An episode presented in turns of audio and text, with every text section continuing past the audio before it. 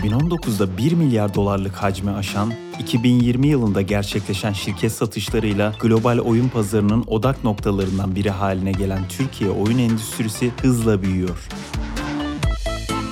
Geliştiriciden sanatçıya, girişimciden yatırımcıya birçok farklı alandan her gün daha fazla yetenekli birey sektörde yerini alıyor. T-Play Stüdyo'nun sunduğu oyun girişimciliği podcast'i, değerli konuklarıyla Türkiye'nin ekonomik dinamosunun temelleri atılırken kafalarda oluşan önemli soru işaretlerine cevap arıyor. Nereden başlamalı, nereye doğru ilerlemeli, ekip, teknik konular, yatırım ve strateji. Umut Ermeç'in bu bölümdeki konu Hyperlab'den Halit Altuntaş. Bu haftanın konuları arasında oyunun farklı türlerindeki tecrübelerini mobil oyunlara aktaran Hyperlab ekibinin hikayesi, Hyper Casual oyun türünde son dönemde gerçekleşen değişimler, Türkiye'nin oyun sektöründeki konumu ve Hyperlab'in Rolik Hub'a giriş hikayesi var. Keyifli bir sohbet sizi bekliyor. Hoş geldin Halit. Hoş bulduk. Bu sefer gene maceralı e, bir giriş yaşadık. Teknik problemleri açtık. O yüzden birkaç dakika gecikmeli olarak yayına başlıyoruz ama seninle konuşmak çok güzel Halit. Keyifli bir muhabbet olacak. Çok merak ediyorum. Bu arada arkanda çok güzel bir görüntü var. Neredesin? Burası Game Hub abi. Rolik'in Game Hub'ı. Vay işte abi fark var diyormuşum. Evet. Ama gerçekten keyifli böyle güzel. Peki Hub'da şu an full müsünüz abi? Yani insanlar başladı mı çalışmaya? Ara sıra gelenler oluyor. Hani genel olarak ağırlıklı olarak diğer ekipler de bizim gibi evden çalışıyor. Anladım abi. Şimdi öncelikle hemen konuya girelim. Bodoslama abi. Halit Altuntaş kimdir? Hangi ekibi temsilen buradasın? Bugüne kadar neler yaptınız? Böyle bir e, özet geçelim abi. Öncelikle kendinden başla. Hayatından bahset. Ya, oyun sektörüne nasıl girdin? Geçen hafta itibariyle 30'uma bastım öncelikle bunu söyleyeyim. Artık 20'lere veda ettik. Aramıza hoş geldin demek çok isterdim ama ben de 40 olduğum için artık. Olsun abi. Onunla da ulaşacağız artık. Nasip olursa. İnşallah. Ee, yani ben çocukluğumdan beri diğer buraya çıkan arkadaşlar gibi oyun arka planım oldu. Yani oyuncuyum en başında kaçtı? 2010'lu yıllarda yani profesyonel olarak ben oyun sektörüne giriş yaptım. Çeşitli oyun firmalarında bulundum. Ee, en son olarak da bu e, Hyperlab'i kurmadan önce de arkadaşlarla beraber Crytek'in Türkiye ofisinde e, çalışıyorduk. Evet. Daha sonrasında Crytek de bu arada Alman şirket ama kurucuları Türk diye biliyorum. Kurucuları aynen 3 Türk kardeş. Evet. E, yerli kardeşler. E, tabii onların da hani Türk oyuncular tarafından yeri ayrı oluyor. Yerli kardeşler derken soyadları yerli değil mi? Aynen yerli. Yerli kardeşler deyince hani öyle Türk e, yani. Yerli kardeşler diye biliniyor aynen. Anladım. Süper abi. Hyperlab'i temsilen buradayım. Biz dört arkadaş Crytek'ten ayrılarak Hyperlab'i kurduk. Yanımıza da gene Hyper e, şey Crytek'ten e, arkadaşları dahil ederek ekibimizi genişlettik. Şu anda 9 kişiyiz.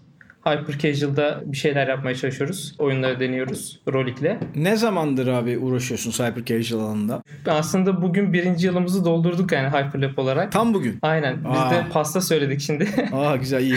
Aynen. Birazdan kutlayacağız yayından sonra. Hoş bir tesadüf olmuş yani. Birinci yılınızda bir canlı yayında olmak da bence önemli. Evet hoş bir tesadüf oldu. Ee, bir yıldır da Rolik'le beraber çalışıyoruz. Ee, işe ilk başladığımızdan beri güzel bir başlangıç yaptık Rolik'le. Şu anda da zaten Rolling Game Hub'ındayız. Hı hı. E, bu şekilde devam ediyoruz. Yani biraz karışık oldu hani genel bir şey yaptım ama. Yo şöyle bir tablo çiziyorsun. Ee, daha önceden çok kıymetli deneyimlerim var oyun sektöründe ama farklı daha komplike, sofistike oyun üretim süreçlerinde bulunmuşsun. Ha tabii yani mobil projeler değildi. Yani mobil projeler oldu ama ağırlıklı olarak bilgisayar konsol tarafındaydı. Bir de Crytek'i bilmeyen arkadaşlar için biraz Crytek'teki hani orada yapılan işlerden ve CryEngine'den belki biraz bahsedebilir misin? Bilmeyenler vardır Olur. diye. Ya şöyle e, biz Crytek'te e, Türkiye ofisindeyken e, aslında publishing yapıyorduk. Crytek'in oyunları, free to play oyunları vesaire vardı. Onları Türkiye'de publish ediyorduk. Belli başlı geliştirme süreçlerine de dahil olduk. Ama hani bu publish ettiğimiz oyun değil de daha irili ufaklı projelerde. Türkiye'de işte bir VR projemiz vesaire oldu büyük çaplı. Onlar da ilgilendik. Genel olarak Crytek globalde ne yapıyorsa biz de onun yerel hizmetini sağlıyorduk Türkiye'de. Ee, yani Crytek'in de zaten en büyük IP'lerinde Crysis var. Far Cry'in ilk serisi var. VR'da oyunları oldu. Hatta The Climb diye e, Oculus Rift'te çıkan bir oyunu vardı. O da galiba Oculus Rift'in en çok satan oyunlarından birisi oldu. Maşallah. Bayağı da güzel bir oyun. Yani VR'da oy- oynayabileceğiniz en iyi oyun diyebilirim yani e, The Climb için. Yani VR'ın tüm nimetlerinden faydalanabiliyordunuz. Daha sonrasında e, Crytek, yani biz bu Hyperlab'i kurarken aslında e, Crytek'te çalışırken bu mobil oyun sektörünü de takip ediyorduk. Büyümesini de e, görüyorduk. E, ve yani Crytek'te belli başlı e, şey mobil projelerimiz de oldu. Artık hani biz de bu sürece dahil olmak istedik. Yani Crytek'ten ayrılıp kendimiz Hyperlab isminde bir oluşum kurup bu yola girdik. Abi tam o noktada şey sorayım ama yani PC ve konsol oyunları üzerine genel bir know-how'ınız var iken yani seni ve ekibini e, Hyper Casual'a çeken şey ne oldu? Ya şöyle aslında yani PC tarafında bir ürün oluşturmak uzun bir süreç. Mobil yani özellikle Hyper Casual'daki gibi hani 1-2 haftada bir ürün ortaya çıkmıyor PC tarafında. Çok uzun bir süreç ve çok maliyetli bir süreç. Ee, Yani bizim hani PC tarafında hani bağımsız olarak hani bir şey yapmamız aslında zor gözüken bir şey. Ama hani mobil taraf böyle değil. Hani denemesi daha basit, daha az maliyette, daha az kısa zamanda sonucu daha hızlı görebileceğin e, bir süreçti. Ve hani e, mobil sektördeki büyüme özellikle bizim hani bu yola girmemize en büyük sebep oldu. Yani sen de biliyorsun işte RP Casual her sene bazı geçen yıllarda mesela %400 büyüme kazanmıştı. İşte geçen senelerde işte %100. Hani büyümesini devam ettiren bir alan. Yani biz de daha fazla geç kalmamak için aslında böyle bir sürece girelim istedik ve girdik. Yani birinci yılımızı da doldurduk Eylül itibariyle. Yani mobil tarafı daha cezbedici gördük yani orada. Yani hem finansal anlamda hem de genel büyüme anlamında mobil çok çok daha hızlı büyüyor. Geri kalan konsol ve Tabii, PC'nin aynen. toplamından da hızlı büyüyor. Evet. Onun içinde de Hyper Casual en hızlı büyümeyi sağlayan E, tabii. Yani herkesin elinde bir mobil cihaz var. Yani herkes potansiyel senin e, müşterin. Zaten Hyper Casual mevzusu da o. Yani asıl en büyük fark yani asıl öne çıkan fark bence herkesin potansiyel müşteri olması. Evet. Yani erişilebilecek total addressable market denen girişimcilikte şimdi Türkçesini tam bilmiyorum ama hitap edebileceğin pazarın toplamı diye herhalde Türkçe çevrilir. O çok büyük. Yani milyarlarca insandan bahsediyoruz. Evet. Ve bunun yanı sıra Hyper Casual bir iş modeli sunuyor. Yani diğer tarzda oyunlar işte PC konsol oyunları vesaire hani Cem Yılmaz'ın para çok ömel diye özetlediği hani ücreti mukabilinde oynanan oyunlar. Evet. Hyper Casual'da genel olarak insanlar izledikleri reklamla ödeme yapıyorlar ağırlıklı olarak. Aynen öyle. Ee, dolayısıyla burada farklı bir inovatif bir yan da var iş modeli anlamında. Hyper Casual burada da bir çığır açtı ve ben bunun öyle kolay kolay dineceğini düşünmüyorum. Ya ben de açıkçası öyle e, LinkedIn'da ara sıra denk geliyoruz işte acaba hani bitiyor mu artık sona mı yaklaştı gibisinden paylaşımlar oluyor. E, abi hani bittiği yok yani her sene büyümeye devam ediyor. Her senede biri bitiyor diye çıkıyor ortaya ama. evet. Bir de böyle geri yapamayanlar var. Geçen sene bitmedi ama bu sene bitiyor falan diye. evet. Bitmiyor. Biten giden bir şey yok şu anda en azından. Ama bitebilir yani. Her şey bitebilir bu arada. Tabii.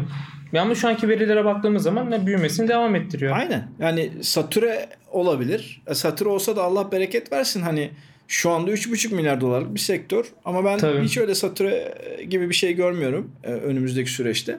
Ha mesela bu Apple'ın ondan da hemen bahis açayım. İş buraya geldi madem muhabbet. Şimdi Apple'ın biliyorsun IFTA diye bir şey var. IFDA denilen. Evet. İşte bütün reklamların e, insanlara gösterilebilir olduğunu en başından kabul ettirme diye özetleyebileceğim herkese. evet. Ya- Yatırımcılar da böyle çok bundan ürktü. İşte kimisi çok farklı tepkiler verdi. Kimisi de diyor ki hiçbir şey olmaz. Sen ne düşünüyorsun? Ya ben açıkçası bir şey olacağını düşünmüyorum. Çünkü hani e, çok büyük şirketler hala bu alana yatırım yapıyorlar. Hani böyle yatırımın olduğu bir alanda hani böyle bir olayın olacağını açıkçası düşünmüyorum ben. Yani orada aslında yatırımlar hani bu işin devam edeceğinin garantisini veriyor hani her şekilde. Evet. En büyük yatırımlardan e, biri de Türkiye'ye gelen Rolly'e geldi Zinga'dan. E, Zinga da Hyper Evet. Girmiş oldu. Bu da bizim için çok büyük bir adım. E, Rolly'in hub'ındaki, network'ündeki, Rolly'de iş yapan stüdyolar için. Bunun yanı sıra tabii evli ufaklı bir sürü şirket var Hyper Casual'da. E, bir yere gideceği yani ben iftayla böyle hemen yıkılacağını düşünmüyorum bu kalenin. Ama e, şöyle de bir şey var insanların görmediği. Panik yapanlar e, hani e, şeyi çok düşünmüyorlar yani. GDPR diye bir şey çıktı Avrupa'da. Bu işte kişisel verilerin korunması kanununun muadili Avrupa'daki. Orada işte bütün internet sitelerinin işte çerez ayarlarının şöyle olması, ka- kabul ettirmesi falan diye büyük değişiklikler geldi. Evet. E ne oldu? Şimdi işte ol, olan şu. Giriyoruz siteye. E, accept diye bir şey çıkıyor. Cookie falan. Tık tık basıp geçiyoruz. Bu oldu yani. Evet evet. Ya bunlar e, yani kişisel verileri koruma kanunu çıktığı zaman da böyle bir hengame Evet. olmuştu. İşte ne olacak ne olacak işte bir sürü e, yaptırımlar e, baya baya bir şeyler çıkmıştı. Ama ona, ona bir şekilde uyum sağlandı. Adep, adapte olundu. Yani yani kişisel verileri koruma kanunu olayı da hani piyasaya uyum sağladı. Piyasada e, o kanuna uyum sağladı. Hani burada da gene aynı şekilde aynı süreçlerin yaşanacağını düşünüyorum ben Aynen. şahsen. Yani bu tarz bir şey sektörün hani sonu olmayacak bence. Yok bence de öyle değil. E, sektörden daha inşallah çok ekmek yiyeceğiz. İnşallah bakalım. Ben de öyle düşünüyorum. Yani hyper casual değişerek gidecek ama şimdi tam bu nokta şey sorayım sana. Şimdi sen bir senedir hyper casual'la profesyonel olarak uğraşıyorsun. Daha önceki Evet. e, deneyimlerin de var oyun sektöründe kazandığın. E, hyper casual çok hızlı değişiyor. Yani bu belki diğer oyun Evet. sektörlerinde, diğer oyun türlerinde, dikeylerinde o kadar da hızlı olmayan bir şey. Sen nasıl görüyorsun bu değişimi? Mesela neler değişti sen girdiğinden bugüne? Hem teknik anlamda hem de böyle ne bileyim ekip yönetimi anlamında, iş yapım, üretim süreçleri anlamında ya da aynı mı senin gözünden? Öyle bir soru sorayım. Hyper casual'daki olay sürekli değişiyor evet ama bunun en büyük sebebi bence hani karşımızdaki o müşteri e, kitlesi gerçek anlamda hani bir oyuncu kitlesi değil. Yani tercihleri sürekli değişen bir kitle. Yani hyper casual üreticileri de hani onlara uyum sağlıyorlar. İşte her hafta yani aylık olarak değil hani haftalık olarak ve trendler değişebiliyor. Evet. Yani atıyorum bir hafta mesela puzzle'lar ön plana çıkıyor. Başka bir sonraki hafta başka bir şey ön plana çıkıyor. Yani biz hani burada mümkün olduğunca işte e, müşteriye uyum sağlayacak şekilde geliştirmelerimize devam ediyoruz. Yani sürekli işte puzzle puzzle puzzle değil veya atıyorum sürekli e, tek bir mekanik üzerine değil. E, trend neyse onu ona göre uyum sağlıyoruz. Yani burada hani kitleyi bilgisayar oyuncusu, konsol oyuncusu gibi değerlendirmemek gerekiyor. Hani bu kitle işte ne bileyim toplu taşımada işe giderken birisini işte 5 dakika beklerken işte reklamdan görüp oyuna giren bir kitle. Yani o yüzden sürekli değişiklik olabiliyor. Yani burada bizim bir tek hani uyum sağlamamız gerekiyor yani bu değişikliğe. Evet bu anlamda çok esnek bir sektörden bahsediyoruz. Evet. Bir de şöyle bir şey gözlemliyorum. Katılır mısın? Yani tabii ki trendler değişiyor ama bir de insanlar da oyun oynadıkça o hyper casual türünden beklentileri değişiyor. Bunu belki Evet. sorsan söylemezler yani. Hani ben artık şöyle oyunlardan hoşlanıyorum gibi bir şey değil ama hani oyunlar evriliyor. Yani bir sene önceki oyunlara bakarsan baya böyle GGJ'den çıkmış oyunlar gibi oyunlar Ya küpler vardı böyle bir şeyin üzerinde dümdüz gidiyordu. Şimdi artık böyle yani AAA'ye doğru neredeyse gidiyor diyeceğim ama hakikaten Aynen. yani o tarafa doğru gidiyor yani. Artık hani Evet. sadece tek bir küp kesmiyor yani insanı. Kesmiyor. Yani mesela o anlamda da eskiden çok basit mekanikler, tek mekaniğin tek düze olarak devam Evet. edip işte sonsuz level sisteminde çalıştığı, çok jenerik temaların, stillerin, modellerin kullanıldığı böyle yapılardan ziyade şimdi daha böyle kişiselleştirilmiş, daha özel bir çizgisi olan şeyler ve e, bazı çoklu mekanikler, e, kapsamlı mekanikler hatta biraz biraz da casual'a doğru bir kayma var gibi hissediyorum. Aynen öyle abi. Hatta bizim geçenlerde yaptığımız bir prototipte sadece e, 15-20 tane farklı mekanik vardı. Sadece bir tane prototipte yani. Böyle bir durum da var. Yani artık böyle tek mekanik bile insanları tatmin etmiyor bazı dönemlerde. E, orada işte oyunun içerisine farklı yan mekanikler de koymak zorunda kalıyorsun bir geliştirici olarak. Aynen ama biz Türkiye olarak burada çok iyi bir yerdeyiz. Çeşmenin Evet. başındayız yani tabiri caizse. Biz hatta arkadaşlar arasında şöyle diyoruz abi ilk defa ben bir treni kaçırmadık. evet Yani doğru tren- güzel. trenin başındayken bindik yani. Bütün her şeyi kaçırdık ama Aynen. ilk defa bu hyper casual olayında yani Türkiye yani baya önemli bir konumda. Yani Top Chart'a bakıyoruz. Top Chart'taki oyunların çoğu Türkiye'den çıkma oyunlar. Yani o yüzden Türkiye'nin buradaki önemi baya büyük. Zaten hani Zinga'nın yaptığı yatırımlar vesaire olsun. E, baya hani bunu belli ediyor. Kesinlikle katılıyorum. Ee, geçen programda da sanki söyledim. Ee, Haziran ayında işte ben üşenmedim baktım. İndirilen oyunların yarısına yakını Türkiye'de üretilmiş. Genel oyunların. Evet. Hani hyper casual değil. Ya, mobil oyunların Amerika'daki App Store'daki Hı hı. 10 oyundan e, 4 nokta sallıyorum 5'i e, inmiş Türkiye'den. Bu yani inanılmaz bir şey. gerçekten de ilk defa tren kaçırmadık. Ben sana şöyle bir şey söyleyeyim abi. Ee, yani buradaki büyümenin yani şimdi şöyle LinkedIn'de gene bakıyorum. Ee, hani hyper casual üretimini beğenmeyen bazı arkadaşlar var işte. Oo, evet. işte Haters. Asıl yeteneğimizi köreltiyor. İşte biz aslında böyle değiliz vesaire vesaire. Ama hani şu bir gerçek ki yani sektörün yani Türkiye'deki sektörün büyümesinin en büyük sebebi aslında hyper casual. Yani hyper casual bu büyümeyi sağladı. Yani bunun da hani farkında olmak gerekiyor bence. Hani bu kadar da hyper böyle kötülemeye gerek yok. Yok ya o şey gibi hep o arkadaşlar şöyle bir amatör yanılgıya düşüyorlar. Hep onu söylüyorum hani komedi filmine bakıp komedi filminin prodüksiyonu basit zannediyorlar. Yani Evet. Film komik ya. Şakalar var ya filmde. Zannediyor ki ya bunun prodüksiyonu basit. Bir işte bilim kurgu gibi değil. Bir dram gibi değil falan. Halbuki yani film prodüksiyonunda gene işte bin kişi çalışıyorsa onda da bin kişi çalışıyor. Ya bizim Aynen öyle. şirketimizden 3 kişiden 27 kişiye niye büyüdü? Mesela T-Play Studio olarak biz kocaman bir ekip olduk. İzmir'de ofis açıyoruz inşallah. Çünkü Hyper Casual'ın dinamiği şu. Devamlı surette yeni şeyleri deneyip, trendi yakalayıp, bir arge oluşturup, bir know-how oluşturup bununla yeni çıkacak oyunu e, yakalayabilecek bir metodoloji geliştirmek. Ve çok zor bir şey aslında Tabii canım. zaman abi bu yani. Deli işi aslında. Devamlı öldürüyoruz abi. Bir şey yapıyoruz yapıyoruz olmadı deyip çöpe atıyoruz. Yani o yüzden dışarıdan bakıp ya bunlar işte goy goy aslında asıl mevzu midcore hadi onu yapın falan gibi yaklaşımları ben çok çiğ ve amatör buluyorum. Yani şeye benziyor. Lady Gaga ya ulan bu da müzik mi deyip kendisi sadece evinde Akdeniz akşamları çalan e, amatör müzisyen. Yap o Evet. zaman daha güzel. Yap Lady Gaga'nın yaptığını.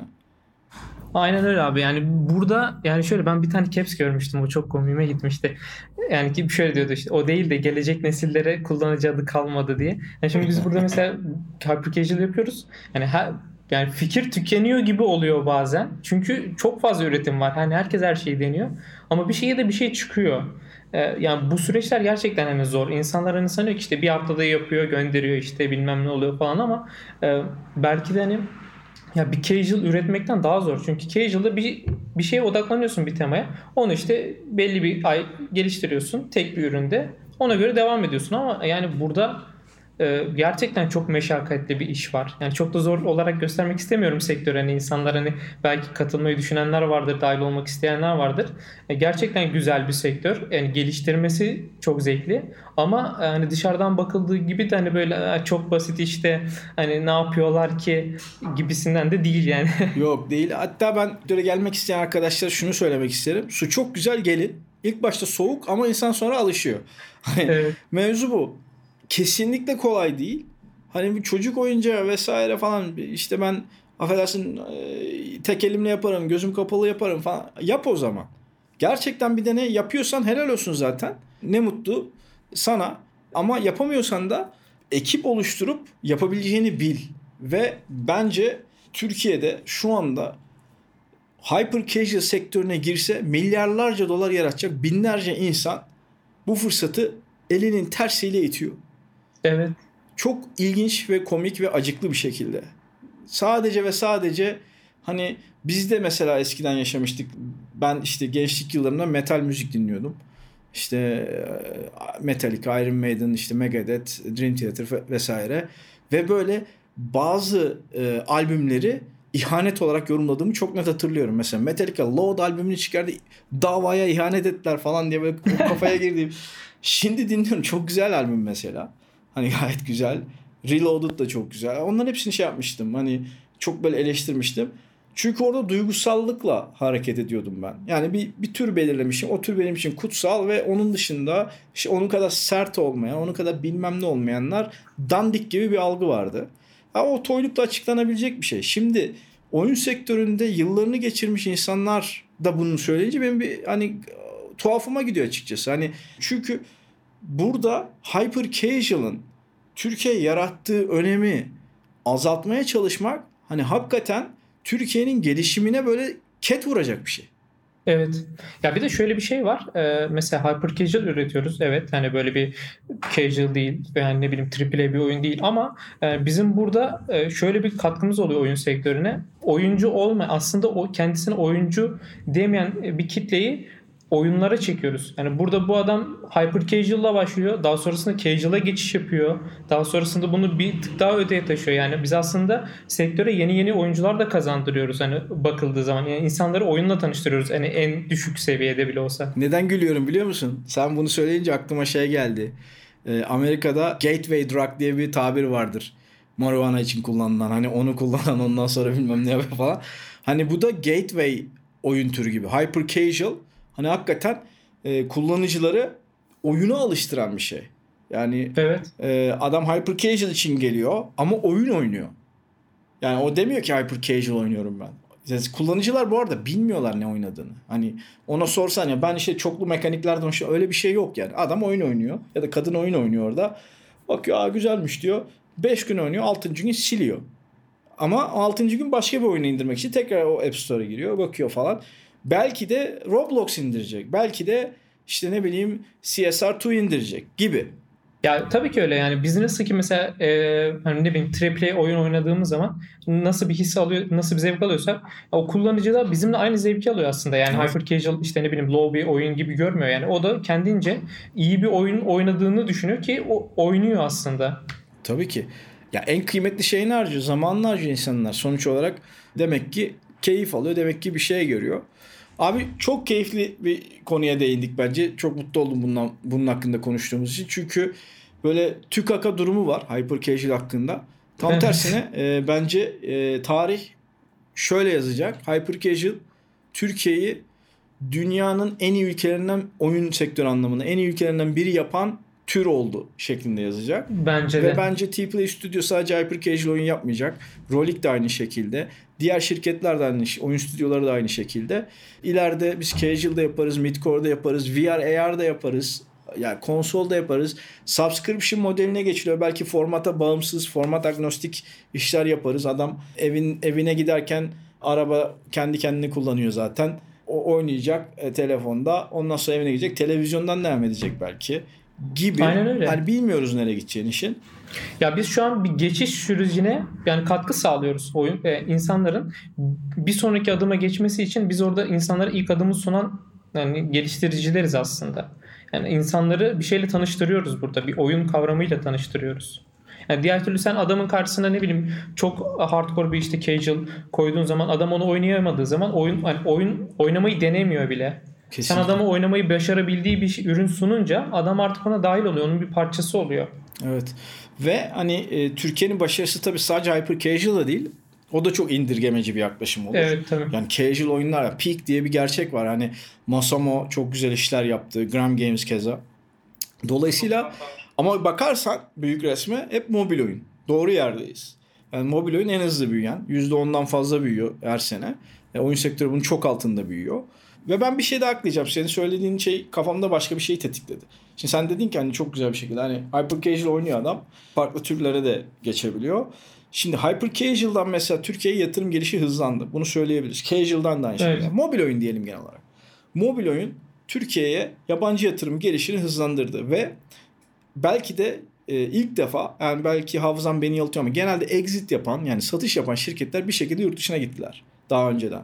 Ya da daha Evet. fazlaydı oranı. Şimdi mesela parayı alıp burada kalan oyun şirketlerinden bahsedebiliyoruz. Rolik gibi. Ki bu çok büyük bir şey yani. İnanılmaz bir şey. İşte bunu acayip ayakta alkışlamamız gereken şey bu. Çünkü bu para Türkiye'de kalacak ve Türkiye'ye yatırım olarak dönecek. Ki bu insanlar zaten oyundan para kazandığı için muhtemelen oyuna da yatırım yapacaklar. Ama daha da önemlisi farklı sektörlere de yatırım yapacaklar. Ben öyle düşünüyorum. Yani şimdi e, bu paralar 2,5 milyar dolar girmiş 5 senede de, Türkiye'de 5 senede. E, ne olacak bu yani adamla yat alınmaz yani 2,5 milyar lirayla. bir şekilde insanların evine ekmek olarak gidecek bu para. Binlerce, on binlerce insanın evine. Bu çok büyük bir şey ve belki oradan da 250 milyar dolar çıkacak. Tabii ki yani şöyle daha öncesinde mesela önceki yıllarda e, yani insanların öyle bir hayali vardı. Ben işte oyun geliştiricisi olacağım ama bunu bu hayalini Türkiye'de yapabileceğine inanmıyordu. Böyle Evet. bir imkanın olduğunu düşünmüyordu ki yoktu da aslında. Hani yani bu kadar yaygın değildi şu anki zamandaki göre. İnsanlar hep böyle bir yurt dışına çıkışı düşünüyordu ama artık Türkiye'de çok ciddi oyun stüdyoları var. Yani mobil tarafta hani yeni PC tarafında da var ama hani mobil tarafta aşırı derecede büyüdü. Ve artık insanlar böyle hayallerini gerçekleştirmek için hani yurt dışını düşünmüyor. Direkt Türkiye'de yapabileceği. E, yani sadece bu artık İstanbul'da da sınırlı değil. Mesela Tipley Denizli'de. E, Anadolu'nun çeşitli illerinde olan stüdyolar da var. Kesinlikle. E, yani buna imkan sağlayan bu sektör. Yani Hyper, ben sürekli hyper casual'a vurgu yapıyormuşum gibi oldu ama hyper casual abi yani. Yapacaksın abi tabii yani. Sonuç olarak ekmek yediğimiz yer ve potansiyeli de görüyorsak bunu anlatmak da bence vatanseverlik. Hani iş oraya geliyorsa eğer ülkemizin kalkınmasını istiyorsak en doğru yolun, en kolay yolun nasıl olduğunu e, binlerce bu işi yapabilecek belki on binlerce kişiyi anlatmakta ben yani görev olarak addediyorum bunu açık konuşmak gerekirse. Hatta işte demin senin dediğinden esinlenerek aklıma gelen şeyi daha da açayım. Şimdi hyper casual'dan ve casual'dan yani mobil oyunlardan Türkiye'ye sermaye geldi. Ve bunlar başka sermaye e, girişimlere yol açtı. E, onlar da daha büyük inşallah e, sermayeler getirdi vesaire. Böyle bir zincirleme reaksiyon ortaya çıktı. Bir de şöyle bir şey var. Oyun sektöründeki bu başarı bence bilişim sektöründeki diğer dikeylere de yatırım gelmesini kolaylaştıracak. Tabii bu bence şu anda de. E, yani datayla, veriyle destekleyebileceğim bir şey değil. Birazcık içgörü gibi olabilir ama e, işte siber güvenlik olsun, e, sağlık teknolojisi, healthcare olsun, ondan sonra data işleme olsun, otomasyon olsun, yapay zeka vesaire birçok alanda Türkiye'nin eli çok güçlenecek. Çünkü ya şu anki konjonktürde e, iş gücü ucuz maalesef. Bu gerçek. Ama kalifiye eleman çok fazla. 8 milyon üniversite öğrencisi var. E, aynı nüfusa sahip Almanya'da 3 milyon üniversite öğrencisi var. Hani aradaki 5 milyonluk farkı kapatacak ya da o, o farka iş bulacak bir ekonomi yok ortada. Dolayısıyla bilişim sektörünün inanılmaz bir insan kaynağı potansiyeli var aslında. Evet, ki bu yani şu an biz bu alandaki potansiyelimizi gösterdiğimize inanıyorum. Aynen. Yani bir şeyler yapabiliyoruz. Hatta iyi şeyler yapabiliyoruz. Çok iyi şeyler yapabiliyoruz ya. Evet. Yani ben şimdi çok e, insanla oturup kalktığım için oyun sektörüyle ilgilenen özellikle yurt dışından konuştuğum arkadaşlar e, yatırımcılar, profesyoneller Türkiye'deki değişime gerçekten çok olumlu yönde şaşırıyorlar. Değil mi? Şaşırıyorlar abi yani ihtimal ihtimalleri bile yoktu yani böyle bir şeyden. Bir anda Türkiye'den böyle bir şey çıkıyor. Aynen ama işte bu da bize hani fırsat yaratmak için değerlendirilmeli. Böyle birbirimizi düşüp gene ya işte hyper casual değil de bilmem ne yapın. İşte satıyorlar vatan elden gidiyor falan. Oraya gelmemesi lazım muhabbet. Birazcık o, o beni rahatsız ediyor. Onu da dile getirmiş olayım. Abi ben şimdi bizi dinleyenler için şöyle bir soru sormak istiyorum.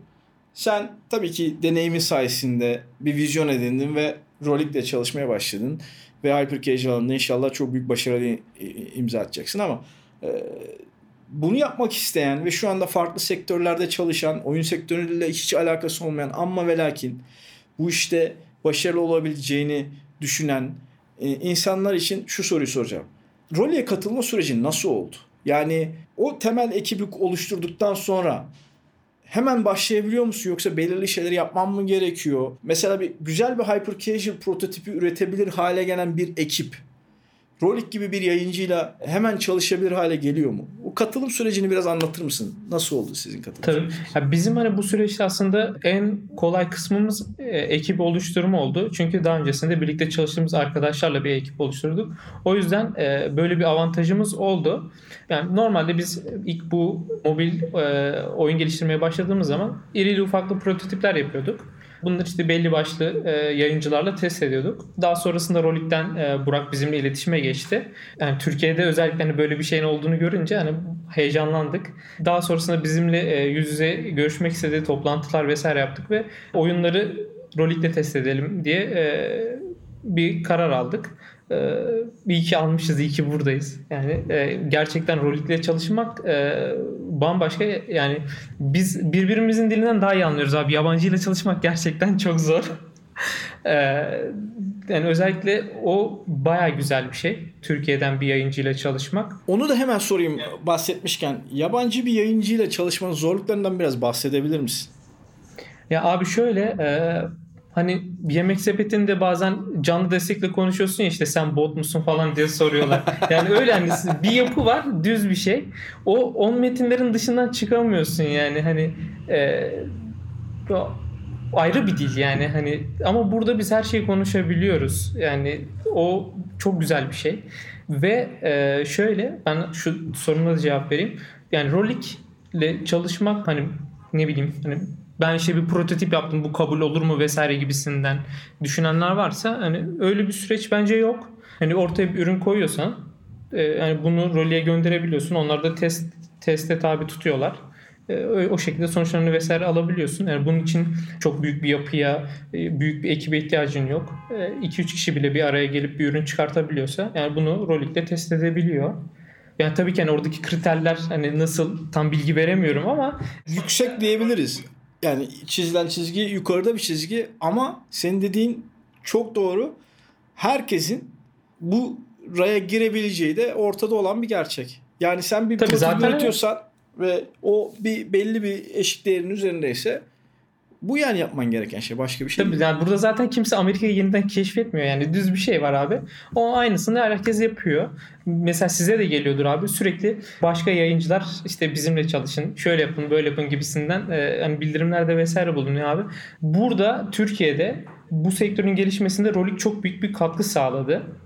Yani şimdi insanlar cesaret edemiyor. Hani işte ben başarabilir miyim, yapabilir miyim gibisinden.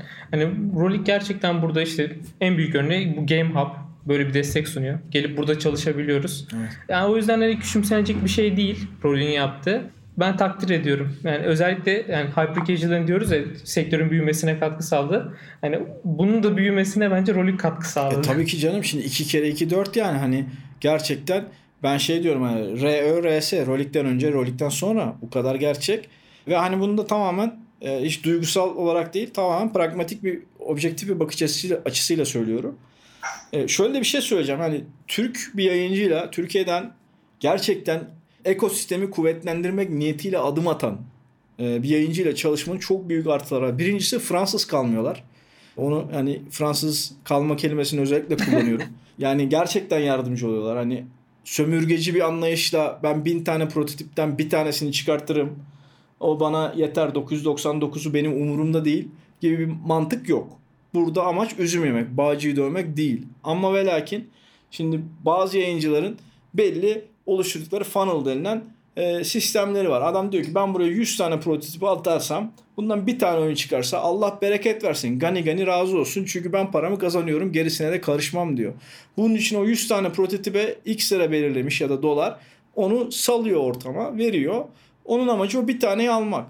Ama burada ben bunu her zaman söylüyorum. Kimyasal tarım yapılıyor.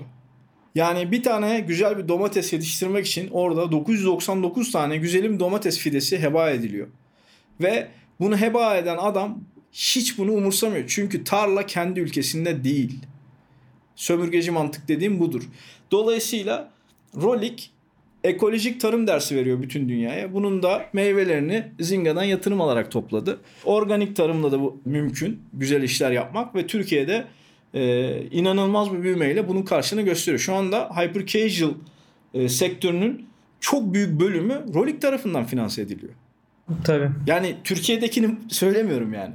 Global hyper casual sektörü Rolik gibi Türkiye'den çıkmış çalışkan, sebatkar arkadaşların emeğiyle gerçekten finanse edilir duruma geldi. Bu bizim gurur duymamız gereken bir şey. Taşlamamız gereken değil. Yani bunun altını birazcık daha çizdim. E, umarım bazı kafaları açmışımdır. Çünkü gerçekten hani biz ülke olarak bazen birbirimize çok düşüyoruz ya. Aslında yan yana durup yani ne, neyle neyi yapmaya çalıştığımızın farkına varmamız yan yana durup bizim pazarımız Amerika, Avrupa, Asya buraya e, satış yapmamız lazım. Oradan döviz getirmemiz lazım ülkeye. Bu kadar basit. Hay yatırım olarak getirdin. Hay oyun çıkardın getirdin. Hiç fark etmez. Şu andaki bütün dertlerimizin ilacı bu. Yani eğitimse derdimiz, sağlıksa derdimiz, neyse aklına ne geliyorsa, işsizlikse bunların hepsinin ilacı sermaye olarak, oyun geliri olarak Türkiye'ye girecek dövizdir. Şu anda Aynen insanın öyle. bir Türk Türkiye Cumhuriyeti vatandaşının Türkiye yapabileceği en büyük destek öyle ya da böyle ülkeye döviz sokmaktır. Şu ekonomik durumda. Hele ki koronavirüsle mücadele ederken. Dolayısıyla bunun da altını çizmiş olayım. Herkes neyle nasıl mücadele edeceğini, neye karşı geleceğini biraz daha düşünsün istiyorum. Sence bu sektördeki ilerleyiş nasıl devam edecek? Yani hyper casual büyüyor. İşte hyper casual ile casual arası türlerden bahsediyor. Hep konuşuyoruz bunu. İstersen bunu senin çerçevenden, senin perspektifinden konuşalım. Yani Hyperlab'in gelişimi nasıl devam edecek? İşte bir oyun çıkaracaksınız. Sonra neler yapacaksınız? Biraz böyle vizyonunu anlatabilir misin? Yani şöyle Hyperlap hani isminden belli olduğu Aynen. üzere yani öncelikle e, Hyper Casual'a odaklanmış bir oyun stüdyosu. E, bunu da devam ettireceğiz. Yani ana odak noktamız Hyper Casual. E, daha sonrasında hani her geliştiricinin e, bir casual yapma e, hedefi oluyor. Bizim de öyle bir hedefimiz var. Ama bunun yanı sıra daha önceki tecrübelerimizden dolayı e, VR'da bir projede yapmayı düşünüyoruz. PC'de de olabilir. Yani buralarda bizim deneyimlerimiz mevcut. Hani ekip arkadaşlarımızda da deneyimler var. Ama yani onlar için şu an erken olduğunu düşünüyorum. Hani kendimizi bölmeyeceğiz. Ana odak noktamız hyper casual. Daha sonrasında casual olabilir, VR olabilir, diğer projeler olabilir, PC, konsol. Hani buralarda da bir şeyler yapabiliriz tabii ki. Harika abi. Yani biz de benzer bir kafadayız. T-Play Studio olarak da hyper casual yapmaya devam edeceğiz ama bir yandan da farklı şeyler de deniyoruz. İşte bazı oyunlarımızı casual'a çekmeye çalışıyoruz. Car Restoration 3D bunlardan bir tanesi. Ee, hyper casual önünde yeni fırsatlar var. İşte sosyal medya etkileşimi gibi, rekabetçinin oyuna katılması gibi hem multiplayer olabilir bu hem bu farklı I.O. kafasıyla olabilir. E, Facebook'un en son araştırması bunu gösteriyor mesela en son yayınlanan raporu. Burada bayağı bir fırsat var. Mobil oyun sektörünün ilerleyişi hakkındaki düşüncelerinden biraz bahsetmek istiyorum. Daha doğrusu öğrenmek istiyorum onları. İkinci bir Covid dalgası geliyor gibi. Evet. Öncelikle oradan maalesef. maalesef yani. Şimdi e, İspanya'dan haber aldım geçen gün. E, Portekizli bir arkadaşım var. Bahsetti. Yani çok kötü dedi. Yani birinci dalgadan çok daha kötü şu anda. İspanya dedi, e, İngiltere'de yaşıyor. E, İngiltere de aynı durumda dedi. Hani İspanya kadar kötü olmasa da ikinci dalga oraya da ağır geliyor dedi. E, bizde de rakamlar ortada. Daha kötü bir yere doğru gidiyoruz. Üzülerek söylüyorum ama e, durum bu. Buradan da söylemiş olalım arkadaşlar biraz daha dikkat edelim. Maskelerimizi evet. takalım. Sence bu oyun sektörü nasıl etkileyecek? Hyper Casual nasıl etkileyecek? Ya şöyle aslında ben öncelikle biz kendi ben Hyperlab bazında söyleyeyim. Yani bizi aslında olumsuz etkilemedi. Bizim bizim dışımızda aslında mobil sektörü de olumsuz etkilediğini düşünmüyorum. Aksine olumlu etkiledi maalesef. yani böyle bir sebep. Yani biz ilk vaka açıklandığından beri evden çalışıyoruz. Hmm. Bugün yani hem yayın var hem de işte birinci yılımız var vesaire vardı. Arkadaşlarla bir araya gelelim dedik Game Hub'da. E, o yüzden geldik. Yani Oo. ilk defa ilk vakadan beri ilk defa geliyorum Game Hub'a öyle diyeyim. İlk vakadan beri. Evet evet ilk vakadan beri biz evden çalışıyoruz. Süper abi. Ben diğer bir kanıtı aslında sizsiniz. Yani siz eve geçtikten sonra ikinci Aynen. hitinizi patlattınız. Aynen öyle oldu. Yani bence olumsuz etkilenmedi. Yani bizim aksine çalışma verimimiz de arttı evden olunca. Daha çok hızlandık yani mobil oyun sektörü olumsuz etkilendiğini düşünmüyorum. Aksine verilerde de playtime'lar da arttı. İnsanlar evinde daha çok oyun oynuyorlar. Yani bizi etkilemedi. Sizi etkiledim abi. olumlu etkiledi aslında pardon. Ee, bizi de e, olumlu etkiledi. Genel olarak oyun metrikleri arttı. Benim tek e, sıkıntım şu oldu uzaktan çalışma yöntemiyle.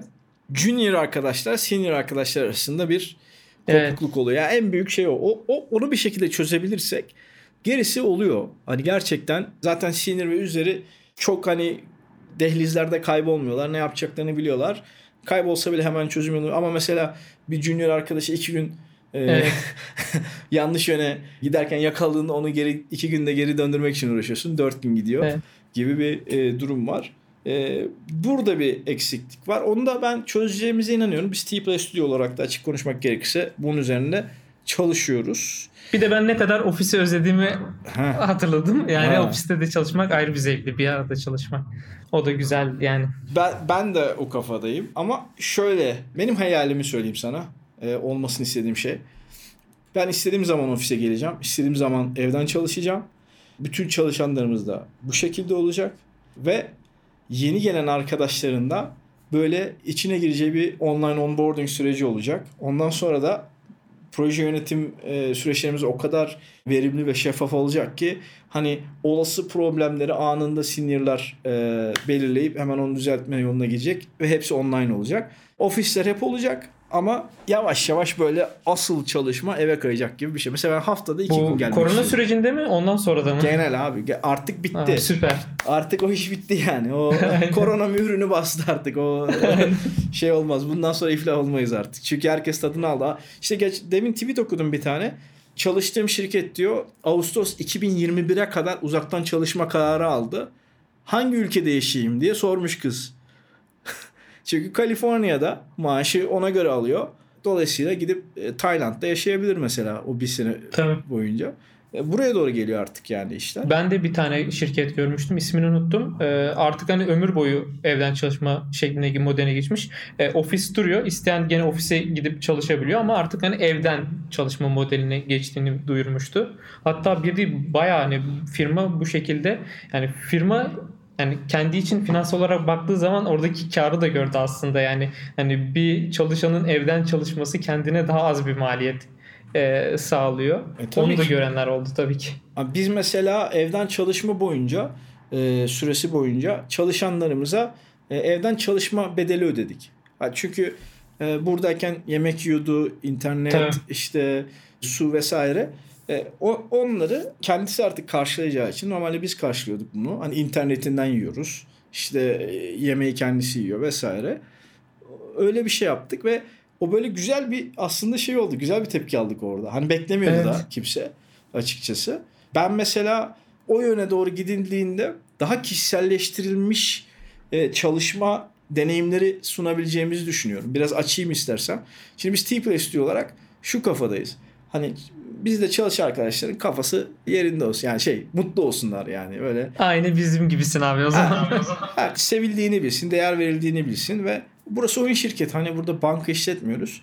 Dolayısıyla biraz yaratıcılığı tetiklemesi için o, o hissiyatın sahip olunması lazım. Bir de şey hani ben e, kurucu ortaklarda şey insanlarız hani ya mutlu iş yapmak istiyoruz. Bu bizim sevdiğimiz şey. Hani keyifli böyle bir hırsla para falan değil ya. Para gelir.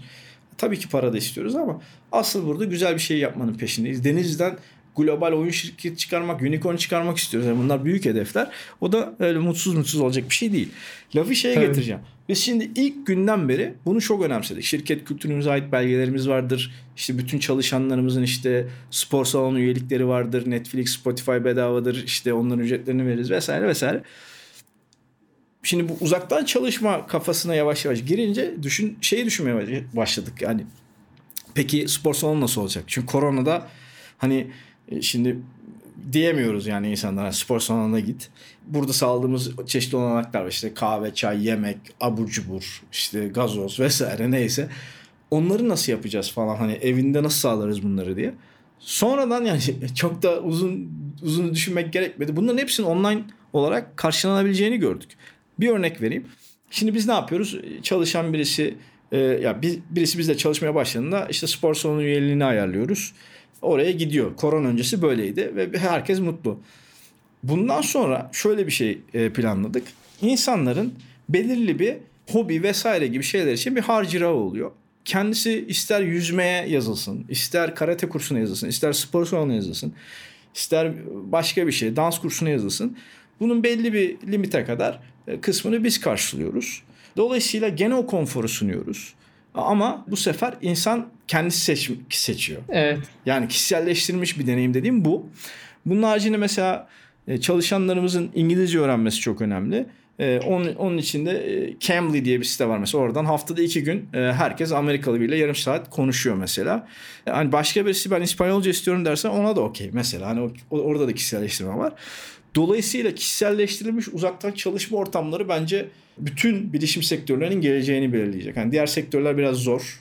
Hizmet sektörleri, işte üretim sektörleri ama biz laptopla olduğumuz her yerde iş yapabildiğimiz için Aynen öyle. işte o yüzden aslında etkilemedi yani korona Evet. bizi abi. Yani biz bilgisayarın olduğu her yerde çalışabiliyoruz. Yani ofis zorunluluğu vesaire olmuyor. Evinde ol, ne bileyim başka bir ülkede ol fark etmiyor yani demin ön- verdiğin örnek gibi. Yani e, onun avantajı oldu. kesinlikle.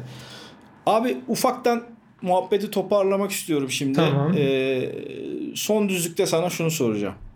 Şimdi bayağı güzel şeylerden bahsettik. Türkiye'nin önünün ne kadar açık olduğunu falan anlattık. Sen nasıl görüyorsun Türkiye'nin geleceğini?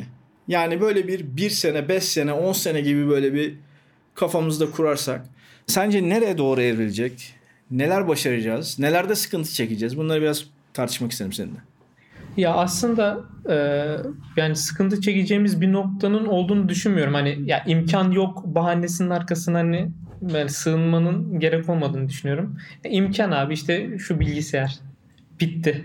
Yani şu bilgisayarla her şeyi yapabiliyorsun. Prototipini yaparsın, gönderirsin, oldu bitti. Yani sadece hyper casual türünde bahsedersek. Ee, yani sadece yani bir şeyler yapmak için gerçekten gayret etmek gerekiyor. Ee, yani biz Hyper, Hyperlab olarak hani gayretliyiz. Yani birinci yılımızı doldurduk. Önümüze sağlam planlar koyduk. Bu planlara uyarak devam edeceğiz. Yani planlı programlı olduktan sonra diğer stüdyolar içinde aynı şekilde herkes yoluna devam edecek. Yani burada hani Hyper Casual belki hani evet hani biter mi bitmez mi ne zaman biter ona hani süre biçemem ama hani evrilecek yani işte dediğin gibi hani ara isimler koyuluyor işte ne bileyim super casual vesaire gibi işte hyper casual işte super casual olacak casual vesaire gibi evrilecek bu. Ee, hani geliştiriciler buna uyum sağlayacaklar. Yani biz zaten burada kendimizi kanıtladığımızı düşünüyorum. Yani Türkiye'deki geliştiriciler olarak. Yani bu ivme gene aynı şekilde devam edecek yükselerek. Umarım da bayrağı kimseye kaptırmayız yani burada. Aynen. Trenden inmek yok abi. Yok, tren, tren zaten devam edecek ama farklı makaslarla da belki farklı lokomotifler farklı yönlere gitmeye başlayacak. Ya aynen mesela arkadaşlarımla şöyle fikir olabiliyor işte ne bileyim Hyper Casual'da bir, bir iki tane oyun yapayım sonra benim için Hyper Casual bitecek ben işte buraya odaklanacağım bu şu yönden devam edeceğim diyen arkadaşlar da oluyor. Ee, onlar da işte ne bileyim işte bir iki tane Hyper Casual yaptıktan sonra Casual'a tamamen yöneliyor veya başka projelere yönelebiliyor. Ee, hani bu gibi arkadaşlar da var. Yani ama en nihayetinde herkes yani gene oyun geliştirmeye devam ediyor. Yani keşke başarılı olsunlar. Keşke onun önlerine şu ya da bu tür diye bir tercih çıksın. Ee, çok sevdiğim bir arkadaşım var Ali Sözkesen. Ona da buradan selamı e, yollamış olayım. Başarılı bir girişimcidir. Onun güzel bir lafı vardır. Tercih iki güzel şey arasında yapıldığında kıymetlidir. Yani e, çok güzel bir bakış açısı. Ya yeter ki biz e, güzel bir başarı elde edelim. Ondan sonra ne yapacağımız sorun olsun. Allah hep böyle dert versin. Zaten bu arada şunu da söylemek gerekir. Hani şimdi hyper casual'la girmedi Türkiye oyun sektörüne. Hani bir de öyle de bir gerçek var. Yani hani tabii canım aynen öyle. Dünkü çocuk da değil Türkiye. Ee, ama hani şu anda olduğu yerle olması gereken yer arasında da bir makas var. Mesela çok başarılı şirketler var. Hani Tailwords gibi işte Mountain Blade diye bir oyun var. Baya baya e, büyük bir başarı elde etti. Yani bir tür oluşturdu mesela Aynen. o. Hani diyoruz ya bazı oyunlar işte GTA tarzı GTA tarzı. Aynen. Hani bir tarz oluşturdu mesela Mountain Blade. Yani orada çok büyük alkış yapmak gerekiyor, vermek gerekiyor. O türdeki çalışan arkadaşlara da o şirket, o tarz şirketlerdeki yeni tür yaratacak bence şirketler de gelecek. Buna ek olarak Hyper Casual'ın Türkiye'ye sağlayacağı sermaye girişi, işte ekosistem büyümesi, vizyon genişlemesi gibi katkılarla ben Türkiye'nin önümüzdeki 5 sene içerisinde dünyanın ilk 10 ülkesi içerisine girebileceğini düşünüyorum. Ya, bu çok iddialı bir laf bu arada. Hani bunu bilmeden söylemiyorum. Ya ne, ne de konuştuğunu bilmiyor falan diye düşünmesin kimse. Çünkü gerçek ilk 10 hani sayarsak ilk 10 ülkeyi hani Amerika, hani Japonya öyle bir sayıyorsun bayağı bir Polonya'yı falan yakalasak bile aslında çok iyi. Ama ben bu potansiyelde olduğumuzu düşünüyorum. Çünkü Türkiye'de evet. çok köklü kalifiye eleman yetiştirme sistemleri mevcut. Teknik konularda neden olduğunu bilmediğim bir şekilde bir tık daha iyiyiz. Gerçekten yani. Ya ben şunu da söylemek istiyorum şimdi yayın bittikten sonra bizi topa tutmasınlar. Hani hep böyle hyper casual işte geliştirdi vesaire dedik ama hani tabii ki hani bu işin başlangıcı hyper casual değil yani. Değil hyper tabii. casual'dan önce de hani e, bir başarı var. Hani hyper casual sadece bu süreci biraz hızlandırdı. İnsanlara imkan e, sağladı. E, yani o açıdan hyper casual'ın yeri gerçekten ayrı ve önemli. Ama dediğin gibi e, hani hyper casual'dan öncesi de var yani oyun sektörü Türkiye'de hyper casual'la başlamadı yani. Tabii ki var ama Türkiye'nin daha önce kaçırdığı birçok tren var mesela. Kendisi başlatıp evet. sonra tren kalktı gitti. Mesela kredi kartlarındaki bildiğim kadarıyla hafızam beni yanıltmıyorsa bu bonus puan toplaması falan Türkiye'den çıkan bir şey. Ama hani o oradan böyle Mastercard gibi bir marka çıkacağına sadece fikri çıkartıp e, gerisini getirememiş duruma gelmişiz. Ben yaşadığım şehirden bir örnek vereyim Denizli. E, çok çalışkan bir şehirdir, üretken bir şehirdir. Türkiye'nin en varlıklı şehirlerinden biridir. Ama ve lakin marka çıkarmada e, çok da başarılı olamadık. Yani Denizli dediğimizde şu anda aklına bir tane marka gelmesi gerekiyordu bence.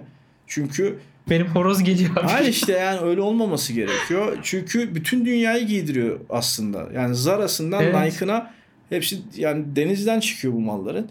Dolayısıyla biraz daha katma değeri yüksek yerlere çekebileceğiz Türkiye'nin ekonomisini ve ben burada herkese çok büyük yük düştüğünü düşünüyorum. Ben şimdi burada hani misyoner gibi bunu her gittiğim yerde anlatıyorum. Çünkü gerçekten de bunu göre belledim yani. Hani belki kimisi de diyordur ya Allah amma konuştun tamam artık anladık diyordur. Ona da saygım var ama e, ben o bir kişiyi kızdırmak pahasına o dokuz kişiye onu ulaştırma, o lafı ulaştırmayı yeğliyorum. Yani o, onu seçiyorum. Herkese de bunu tavsiye ederim. Yatırımcı para koyacak, girişimci elini taşın altına koyacak, bir aksiyon alacak ve bir şey üretecek. İşte öğrenci, genç e, bu işten şu anda anlamayan ama kendinde potansiyel gören arkadaşlar YouTube'dan şuradan buradan bir şekilde asbel kadar öğrenecek, kendini eğitecek, çalışacak ve girecek. Buradaki potansiyel çok büyük. O 8 milyonla 3 milyon arasında bir fark bahset, farktan bahsetmiştim üniversite öğrencisi olarak. 5 milyon fazla öğrenci, üniversite öğrencisi var Türkiye'de. 1 milyon üniversiteli işsiz var. Bu çok büyük bir rakam. Sen aslında bu olaya ayrı bir katkı sağlıyorsun o fon Eyvallah. sayesinde. Sağ ol abi. Yani o, o yüzden seni de tebrik etmek isterim. Eyvallah abi. Ya ben eğitimcilikten geliyorum. Biraz da onun da etkisi var. Hatta ilk benim startup'ım EdTech startup'ı New York'ta kurmuştum. 7000 saat kadar ders verdim ve diplomaların gerçekten bir işe yaramadığını 7000 saat ders vererek anlayan bir insanım. Hani kendim de 11 sene geçirdim üniversitede. Bazen diyorlar ya sen işte eğitime niye böyle karşısın? Ben eğitime karşı değilim. Ben okula karşıyım. yani ikisi aynı şey değil. Çünkü okul dediğin şey sana bir tane kağıt veriyor ve diyor ki bununla iş bulacaksın. Bu bir yanlış ön kabul. Hiç yani doğru bir şey değil. Ama e, portföy geliştiren ya da belli alanlarda aksiyon alıp sonuç almayı önceleyen insanların hyper casual ya da oyun sektörü gibi hızlı büyüyen alanlarda başarısız olması zor. Başarılı olması yani gerçekten çok kolay. Buraya çekmemiz lazım. Bütün gençlerin yönünü. Ee, şöyle söyleyerek toparlayayım. Bu 5 milyon üniversite öğrencisi diyorum fazla Almanya'ya kıyasladığımızda. Binde biri oyun sektörüne başarılı olarak katılsa. Binde biri. Yani bin kişi gözünüzün önüne getirin. Oradan bir tane adam çıkar herhalde. 5000 kişi eder ya. 5000 kişi o kadar güzel. Şu anda mesela 5000 oyun geliştiricinin girdiğini düşünsene Türkiye ekosistemine. Ne Muazzam. kadar büyük. Aynen. E, Dolayısıyla biz işte buraya devamlı kafayı işte kodluyoruz da mobil oyun bootcamp'leriyle yaptığımız da bu. Çıraklık eğitimiyle de yaptığımız bu T-Play Studio'da. Diğer bütün karar mercilerine işte STK'larda görev alan arkadaşları devlet dairelerinde, büyük şirketlerde, oyun şirketlerinde, e, kurumsal organizasyonlarda yer alan herkesin bu ekosisteme nasıl katkı sağlarım diye oturup düşünmesini istiyorum. Ve bir, elimizden bir şey geliyorsa bunu yapalım. Bana da her türlü ulaşabilirsiniz. Bu alanda 2 artı 2 eşittir 5 eder. Sen de şunu yaparsak diye bir fikriniz varsa mutlaka ulaşın arkadaşlar bana. umut.tplaystudio.com'dan diyerek son ve en çok sevdiğim soruya geçeyim. Şimdi e, Halit şu ana kadar oyun sektöründe geçirdiğin süreyi gözünün önüne getir. Çıkardığın en büyük ders nedir? Ya da yaptığın en büyük hata. Çünkü tahminen ondan dolayı çıkardın o ders. Ya şöyle ders ya da hata değil de bir pişmanlığım var. Okey. O Ee, da olur. aslında ekip olarak bir pişmanlığımız var. Keşke bu Hyper Casual'a bir yıl önce girseydik. Yani o zaman gerçekten hem Hyperlap olarak daha farklı bir konumda olabilirdik. Ee, yani bir yıl önce girmek girseydik diye bir pişmanlığımız var. Yani ha- hazır burada arkadaşlar izliyorsa ve hani düşünüyorsa hani "Ha, acaba girsek mi girmesek mi diye ben daha bir girin diyorum. Yani bizim gibi bir sonra keşke bir sene sonra girseydik demeyin diye girin abi. Girin ve deneyin. Ya biraz cesaretli olmak gerekiyor. Bizim cesaretimizi e, en büyük açıda sağlayan e, Rolik oldu. Yani Burak bayağı bizi cesaretlendirdi. Ee, onu da teşekkür etmek istiyorum buradan. Yani ben de buradan arkadaşlara e, demek istediğim yani e, düşünen varsa girsin. Dediğin gibi hani su güzel sıcak gelin. Aynen çok güzel bir yere getirdin lafı ve güzel bir e, analojiyle bitirdin. Yani su gerçekten sıcak ama şöyle bir şey var. O trampline, tramplen mi den- deniyordu e, suya atladığın şeye. Ona çıktığın zaman hani bir 3 saniyeden fazla bakarsan atlayamazsın. Evet. Oraya baktın 1, 2, 3 atlayacaksın. Yoksa ya biz yapayım biz yapmayayım. ikinci saniyesine gelmiştik. Bur- Burak dedi abi atlayın. Aynen atla atla atla. Üçüncü saniyeye gelmeden. Bana bir dediler atladım. Ama gerçekten öyle ekipler tanıyorum ki bu kararsızlıkları yüzünden gerçekten çok geri kalıyorlar. Potansiyellerin çok altında Ee, her gün konuşuyorum. Daha bugün bir ekiple konuştum. Hani bazı yerlerde bazı sert kararlar alıp ilerlemek de çok büyük bir girişimcilik meziyeti. Sert abi. Evet sen bayağı geziyorsun zaten denk gelmiştir yani Abi öyle çok bir iki geliyor. arkadaş bir araya gelmiş bir şeyler yapıyor ama bir türlü dahil olamıyorlar. Çok çok başta ya bir karar alacaksın. Mesela diyeceksin ki benim ihtiyacım şu ve bana onu bu sağlıyor. Bu iki şeyi birleştirip kafa göz girmek lazım. Ya da en basitinden yani gireyim bir girmeyeyim mi? Hypercache'e gireyim mi? Gir abi. Şimdi değilse ne zaman sen değilse kim? Bu gazla devam etmen lazım. Çünkü Evet. insanlar şeyi anlamıyorlar. Ya en kötü ne olur? En kötü ne olur? Yani bir sene boyunca şu anda ya eli yüzü düzgün bir stüdyo olup da kaynak bulamayacak bir ekip yok. Yani hakikaten 3 kişi 4 kişi bir araya gelince şu anda öyle ya da böyle bir kaynak bulur doğru mu? Tabii tabii. Ya artık eskisi gibi de değil artık Değil yani ya. böyle kaynak bulmanın zor olduğu bir e, ortam imkanlar yani herkese açık bir şekilde var. Abi herkes girmek istiyor oyun sektörüne. Ya nasıl gireriz? İşte param var nasıl nereye koyayım falan. Herkes böyle soru işaretleriyle geziyor ortada. Gir o oyun e, sektörüne. Bir yüzmeye çalış. Bakalım su yutuyor musun? Yut biraz da su. Güzel o. Kötü bir şey değil. Öğreniyorsun su yutmak nedir. Bir şekilde kafan bir senenin sonunda e, suyun üstünde kalıyorsa zaten ondan sonrası gelecek. Ha su yuttun ve boğuldun. Ne olacak? En kötü şunu dersin. Denedim olmadı. Ama bir sene boyunca girişimcilik dersi aldım. Oyun girişimciliği deneyimi kazandım. Bu sana hayatın her Bu yönünde... ayrı bir değer zaten. Abi tabii. Ben ilk e, şirketimi, şirket değil de ilk girişimimi diyeyim 2004 yılında yaptım. İki tane ortağımla, arkadaşımla müzik stüdyosu açtık Taksim'de. Annelerimizin 3 aylıklarını falan aldık. Böyle biraz da işte borç aldık sana soldan. Müzik stüdyosunu açtık ve bir sene içinde batırdık direkt. Hiç böyle uzatmadık da böyle. Direkt net bir şekilde batırdık hani. Ama batırdıktan sonra babam bana şey dedi. Konuşuyoruz böyle babamla. Ben işte baba oğul böyle şey bekliyorum. İşte kızacak ya da işte ters bir şey söyleyecek ya da işte bak ben sana demedim mi diyecek falan öyle şeyler. Babam ben çok mutluyum dedi tamam mı? Dedim nasıl nasıl yani. Ya çok mutluyum dedi. Sen dedi 24 yaşında batırdın. Zaten batıracaksın dedi. Girişimci olacaksan zaten bir şekilde batıracaksın bir kere. 24 yaşında batırdın bu kadar batırdın bir şey değil dedi. Ha, 40 yaşında batırsan sağlam giderdin. Evin araban giderdi elinden dedi.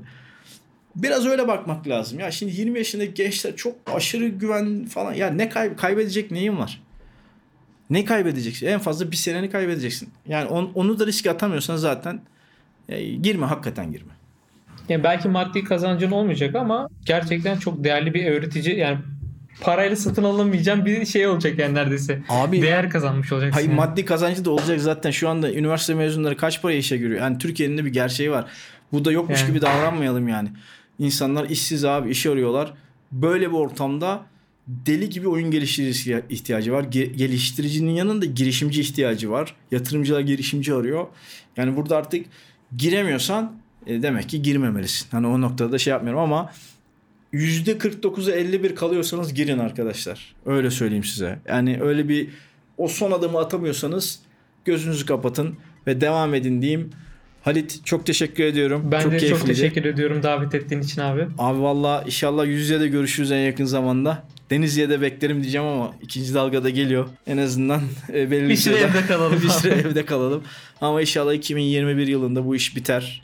Aşısı vesairesi çıkar. Biz de artık normal hayatlarımıza döneriz. Ama e, bir şey bence kesin. Bundan sonra hiçbir şey aynı, olmayacak. Oyun sektörü ve diğer bilişim sektörlerinde uzaktan çalışma ortamı günden güne değer kazanacak ve bence bu da Türkiye'nin arkasından esen bir rüzgar olmaya devam edecek. Kendine iyi bak. Çok güzel bir sohbetti. Sen de kendine iyi bak. En yakın zamanda görüşmek üzere. Herkese selamlar arkadaşlar. üzere. Bizi izlediğiniz ve dinlediğiniz için teşekkür ederiz. Görüşmek üzere. Görüşmek üzere. Bay bay.